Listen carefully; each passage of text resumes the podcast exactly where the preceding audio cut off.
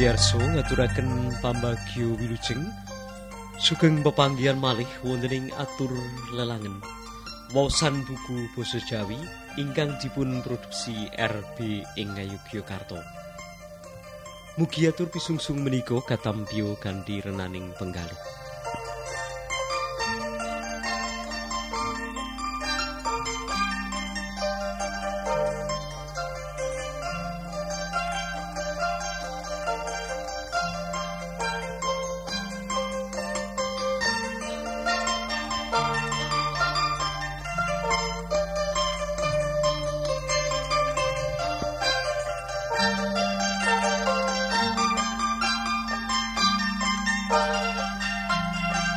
samangke badhe ngaturaken sambeting cariyos kesrimpet jaring sutra.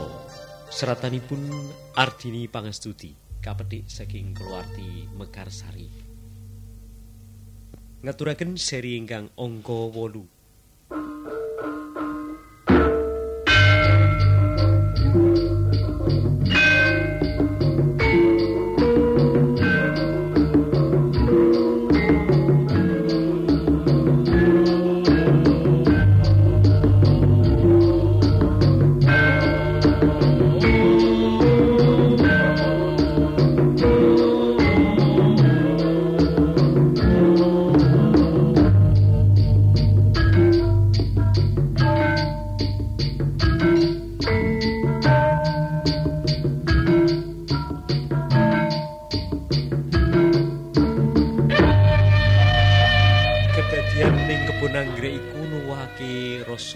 kepenak ing atine Trinil.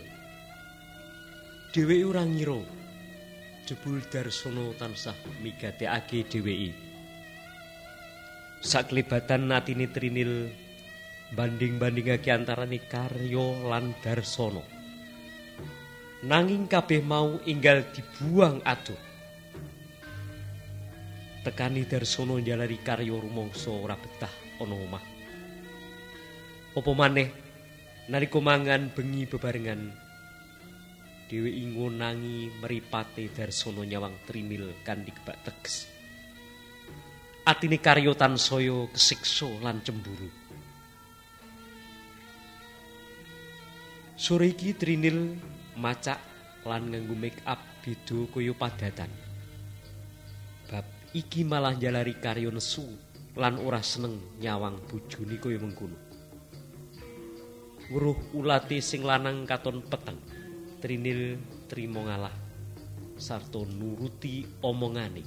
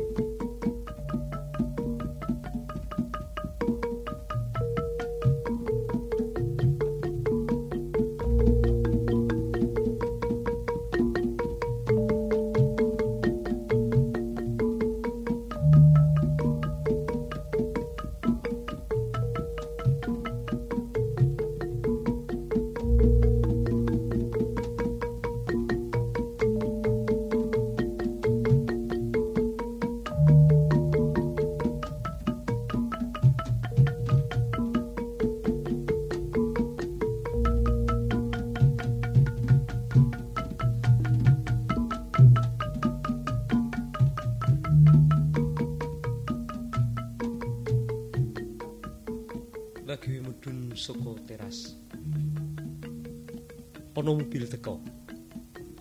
jebul Darsono kang bali sapa dolan. Sore mau Trinil krungu oleh pamitan Mbak Yuni arep mubeng-mubeng. Kok cepet Mas Dar? Pitakoni Trinil nalika priya iku mandek ing ngarepe karo mbukak kaca mobil. Iya, ora sing kancani. Kelayapan dhewe rasane kok ora kepenak ngono. Si sing Trinil. Kita nglebeki mobil dhisik. Darsono terus bablas menyang garasi.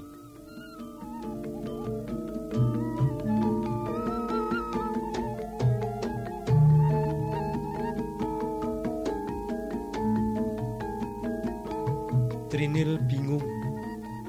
Arep bali mlebu omah, rasane ora kepenak. Arep nerusake menyang taman kok rikuh. Dheweke wis ngraita. Yen denguk-denguk ing taman Darsono mesti bakal ngancani. Apa maneh ngerti yen sing lanang durung teko.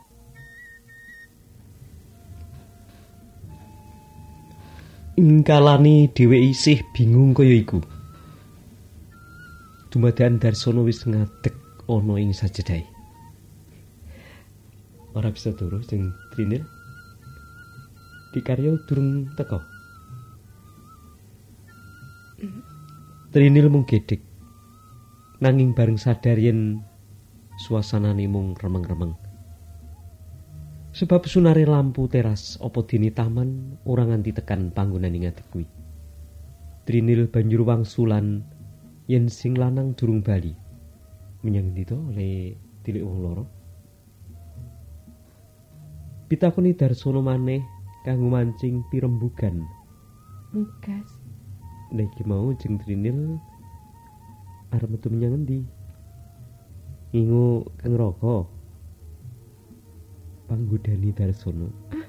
Mas Dar, mau ora sanggup Nah yen ora ngingu kang raka arep nyang ndi? Bengi-bengi nang ngarepan. Karepku arep redengok ing taman. Ora bisa turu. Lah iya yo. Yen nunggu ing taman tak kancani to wis. Dinimbang dhewean. Aku kok durung ngantuk kok.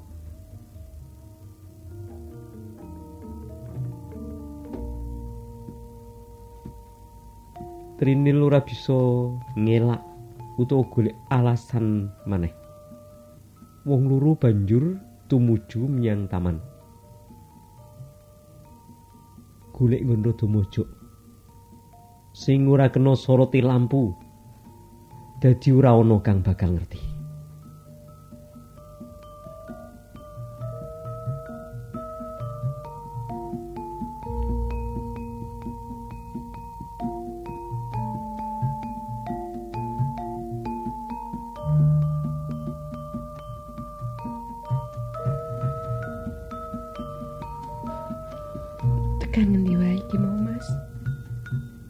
Pitakoni Trinil sawise wong loro lungguh ing bangku beton cedhak bandulane saras.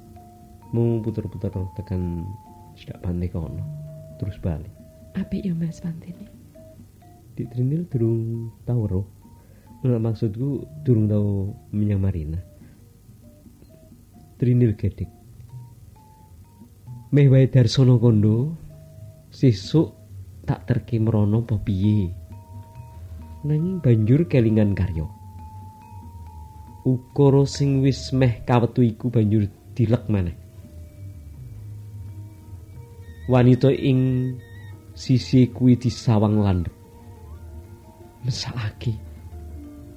Wong ayu-ayu kok nasibe kurang apik. Sopemo wae dheweke kang dadi sisiane. Angen-angene Darsono malah wiwit ngladrak.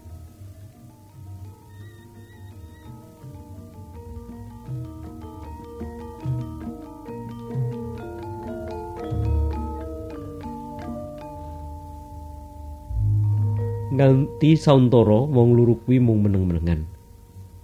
Darsono ibut karo angen-angeni Trinil yo semono uga. Iki pengalaman kang sepisanan tumrape dheweke lungguh jajar karo priya sing dudu bojone. Ana rasa ora kepenak, rikuh, was-was, isin nanging uga seneng. Embuh kenapa? Cecedhakan karo Darsono rasani ana kenikmatan dhewe. Sing sasuwene iki ora tau dirasakake. Kaya yen dhewek cecedhakan karo bojone. Aneh nanging nyata. Sejatine Trinil wedi marang perasaane kang kaya mengkono iku. Ngelingi dhewe wis dudu wanita kang legan maneh. Nanging dheweke ora bisa nyelaki atine. Saploe weruh Darsono sepisanan seminggu kepungkur. Atine pancen dadi goreh. Mripate priya kuwi panyawangi kang ambuh angel ditegesi. Trinil ngerti. Ngerti banget yen Darsono meneng-meneng asring migatekake dheweke. Nalika nyirami anggrek ing taman dhuwur, nalika ing meja mangan, nalika simpangan dalan, nalika sintrine Suara lembut cedak banget ing kupingi. Lamunane Trinil ambiar. Trinil mengu. Langsung natap raine Darsono sing pancen cedhak banget kuwi. Embuh apa kang jalari? Wong loro gabyuk rerangkulan. Rasane Trinil kaya nglayang ing awang-awang nalika tangan prakusok wiwit ngelus rambuti. Banjur mung kuwi kang ngetindakake kan dilembut kebak perasaan.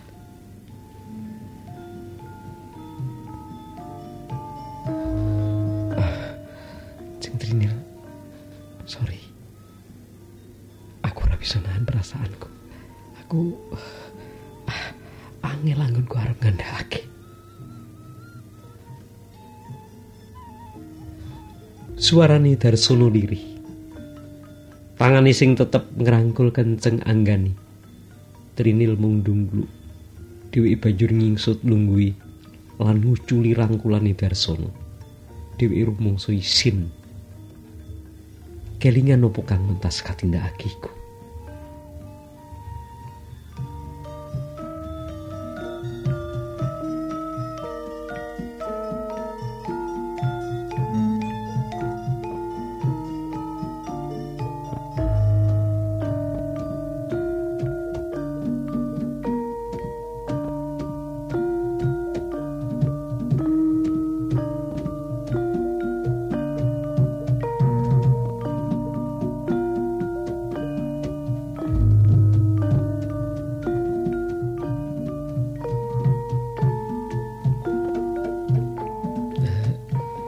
Cuti kuing kini mung kari telung dino Sumben aku bali. Ujari Darsono sawise sawetara sepi. Trinil dengongok Nyawang Darsono. Kok cepet banget? Pitakonan kuwi mluncur saka lambene ngono wae tanpa sadar Darsono mesem. Atine surak-surak rame. Pitakunan kang konyol kuwi nandhakake yen Trinil ana kawigaten marang dheweke. Darsono banjur kelingan kedadian ing taman dhuwur dik mau sore. Nalika dheweke nyoba nyekel ne wanita iku. Tangane dikipatake. Satemene atine Darsono krasa ora kepenak. Satengahe dheweke rada nglukru. Rumangsa yen katresnane mung keplok sesisih. Nanging wengi iki sikape Trinil beda banget. Darsono banjur duweni dudutan. Sikape Trinil sing mau awan mbok menawa mung gerakan wae mergo dhewe pancen durung tau disenggol dening priya liya kejaba bojone dhewe dadi yen ana rangsangan saka njaba isih rumangsa wedi utawa isin Master kerasan po manggon ing luar Jawa. Apa ora kepenak ing kene? Jane yo kurang kerasan. Ning aku rak mung sadremu nindakake tugas. Pengabdian marang nusa lan bangsa.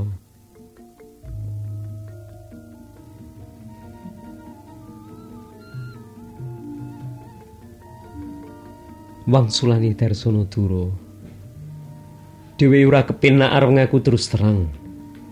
Yen oleh lunga nyang luar Jawa kuwi mergo patah hati. Mergo kepengin nglalekake genyo kang banget ditresnani.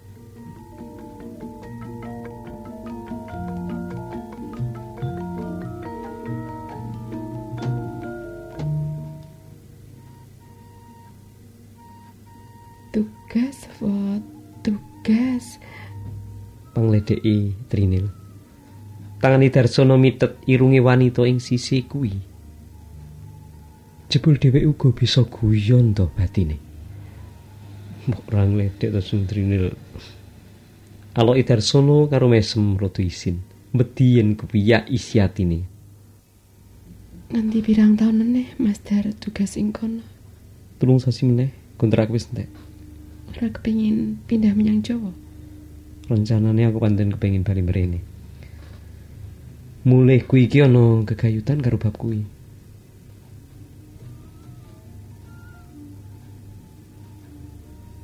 Darsono nyawang trinil. Iman peteng. Dadi dhewek ora bisa ngerti ekspresine wanita iku.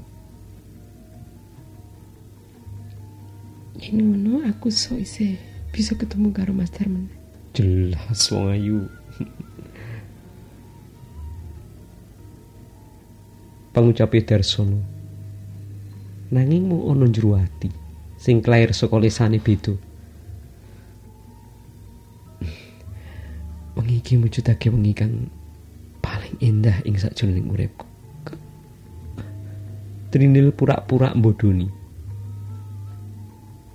Darsono ngranggeh tangane Trinil. Tangan sing lumer iku diremet lan diaras kan dikebak perasaan. Usah tak jelas lagi.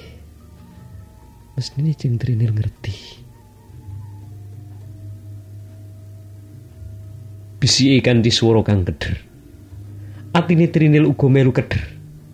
Rasane dhewe ora percaya karo apa kang dialami iki.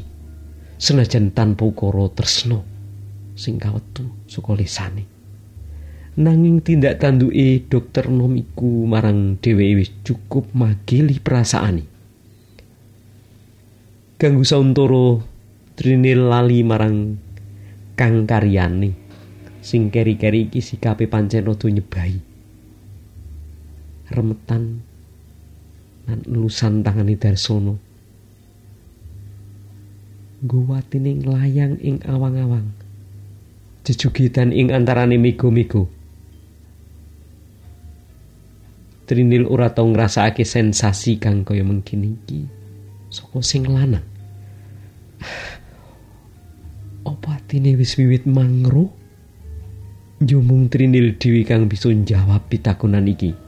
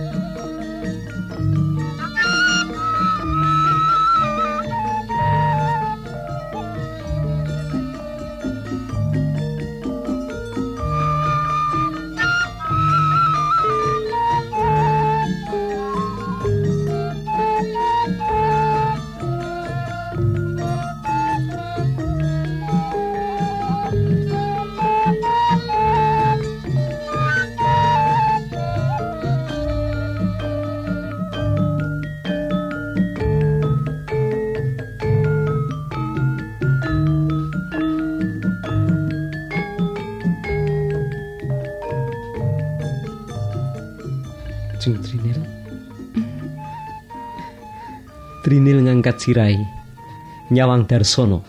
Senajan peteng, nanging dhewe bisa weruh mripate Darsono kang sumunar. Sunar meripat iku pancen ora nganti mblerengi kaya sunare srengenge.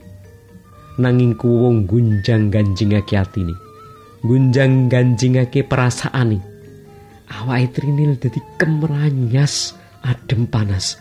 Oh, pratondo opo kang dirasakake iki?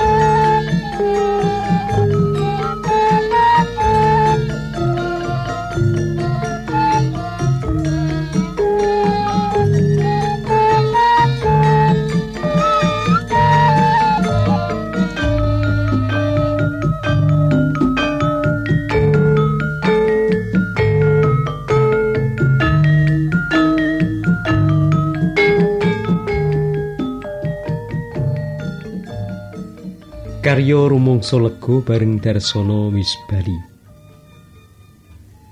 Dheweke pancen ora ngerti rencanane dokter kuwi. Mula pikirane dadi ayem sawise dhewe wis ora ana ing omah gedhe iku.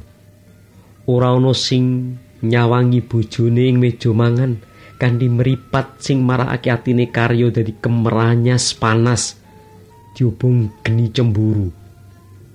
Padha dini lanangi karyo ngerti. Apa tegese panyawang kuwi? Nanging karyo ora bisa apa-apa. Saliyane dheweke adine sing duwe omah. Selawas iki. Karyo uga ora duwe bukti. Yen dokter nom iku wis ngganggu bojone. Yen mung sawates panyawang wae yo ben. Arep dinengke wae. Nanging luwih saka kuwi karyo lagi bloko. Njupuk ancang-ancang. Embuh kepriye mengko dadine? Sing paling penting dhewe kudu njogo keutuhan rumah tanggane. Nanging pranyoto karyo ora perlu njupuk ancang-ancang utuh tumindak sing neko-neko. Sebab nganti dokter kuwi bali karyo ora tau krungu kabar yen dokter kuwi wis ngganggu bojone. Ora ana pembantu utawa wong liyane ing omah kono sing laporan marang dheweke ngenani bab iku. Bojone dhewe sajake uga adem ayem bae. Kaya percaya marang kastiane sing wadon. Mula dheweke rumangsa lega, lega banget.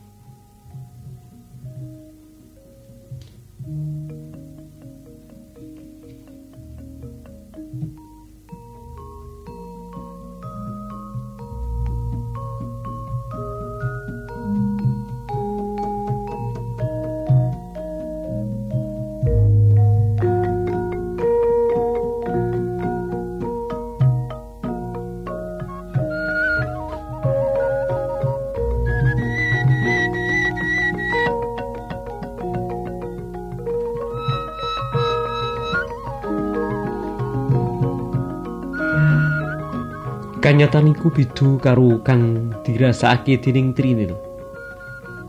Yen karya rumangsa lega. Kan dibaline dokter Darsono menyang pedalaman Kalimantan. Trinil kosok baline. Rasane ono saperangan awake kang ilang bebarengan karo lungane priya iku. Wengi-wengi sepi ing kalane sing lanang wis turu. dhewe kerep isih klisikan ora bisa turu. Citrane dokter nom iku tansah gumawang ing ngarep mata. esemi mripate lagiane kabeh gumawang cetha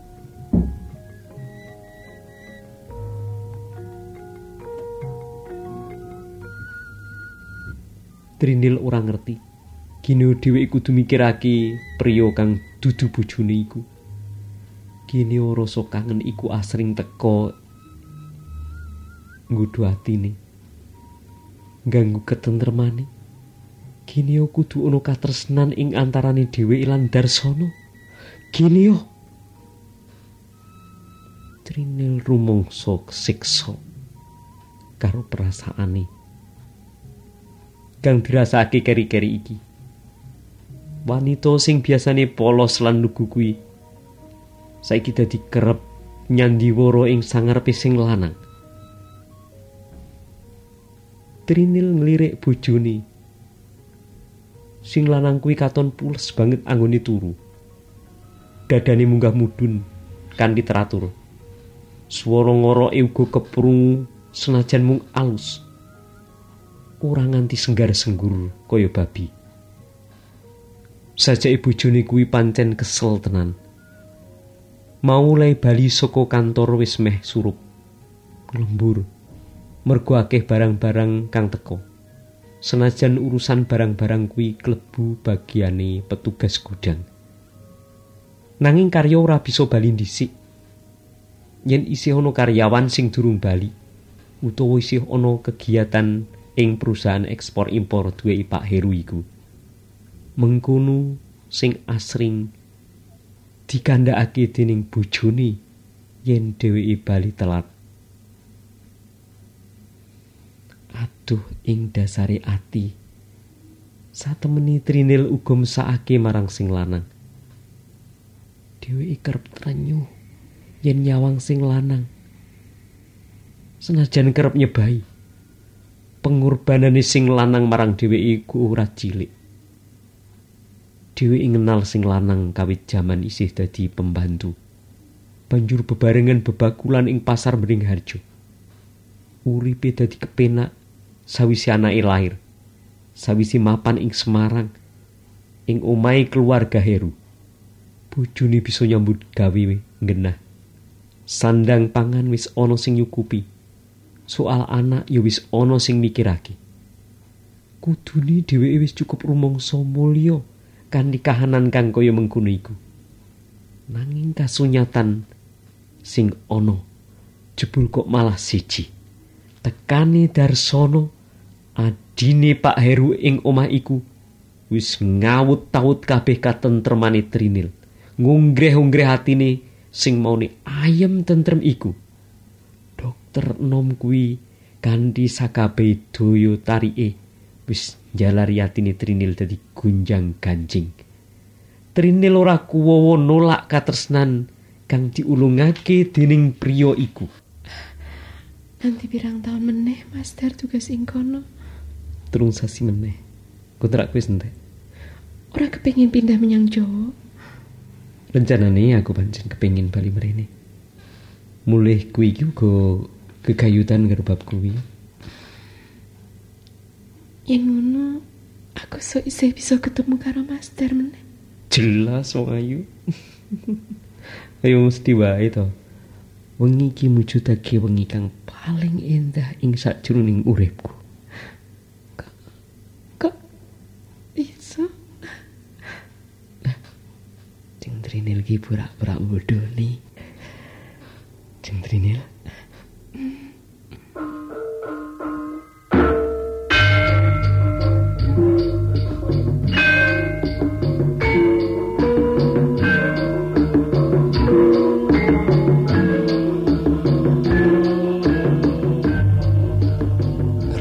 Remedan lan ilusan tangani Darsono nggawa atine nglayang ing awang-awang jejugitan ing antarane mego-mego Trinil ora tau ngrasakake sensasi kang kaya mengkini iki saka sing lanang. Opo atine wis wiwit mangro yo mung Trinil dhewe kang bisa njawab pitakonan iki. Trinil ngangkat sirai nyawang Darsono senajan peteng Nanging dheweke bisa weruh mripate Darsono kang sumunar. Sunar meripat iku pancen ora nganti mblerengi kaya sunare srengenge. Nanging kuwowo gunjang ganjingake atine. Gunjang ganjingake perasaane. Awake Trinil dadi kemeranyas, adem panas. Oh, pratondo opo kang dirasakake iki?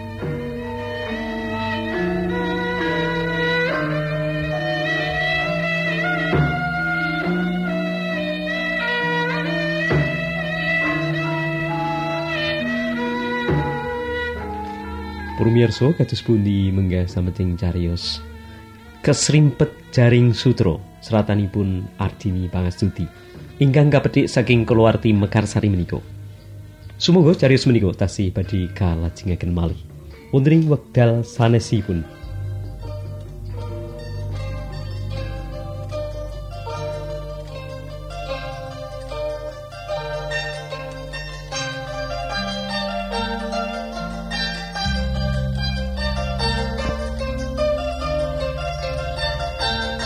cekap semanten atur langen waosan buku basa Jawi ingkang dipun produksi RB ing Yogyakarta. Ing wasana mugi rahayu ingkang tansah pinanggi. Nuwun.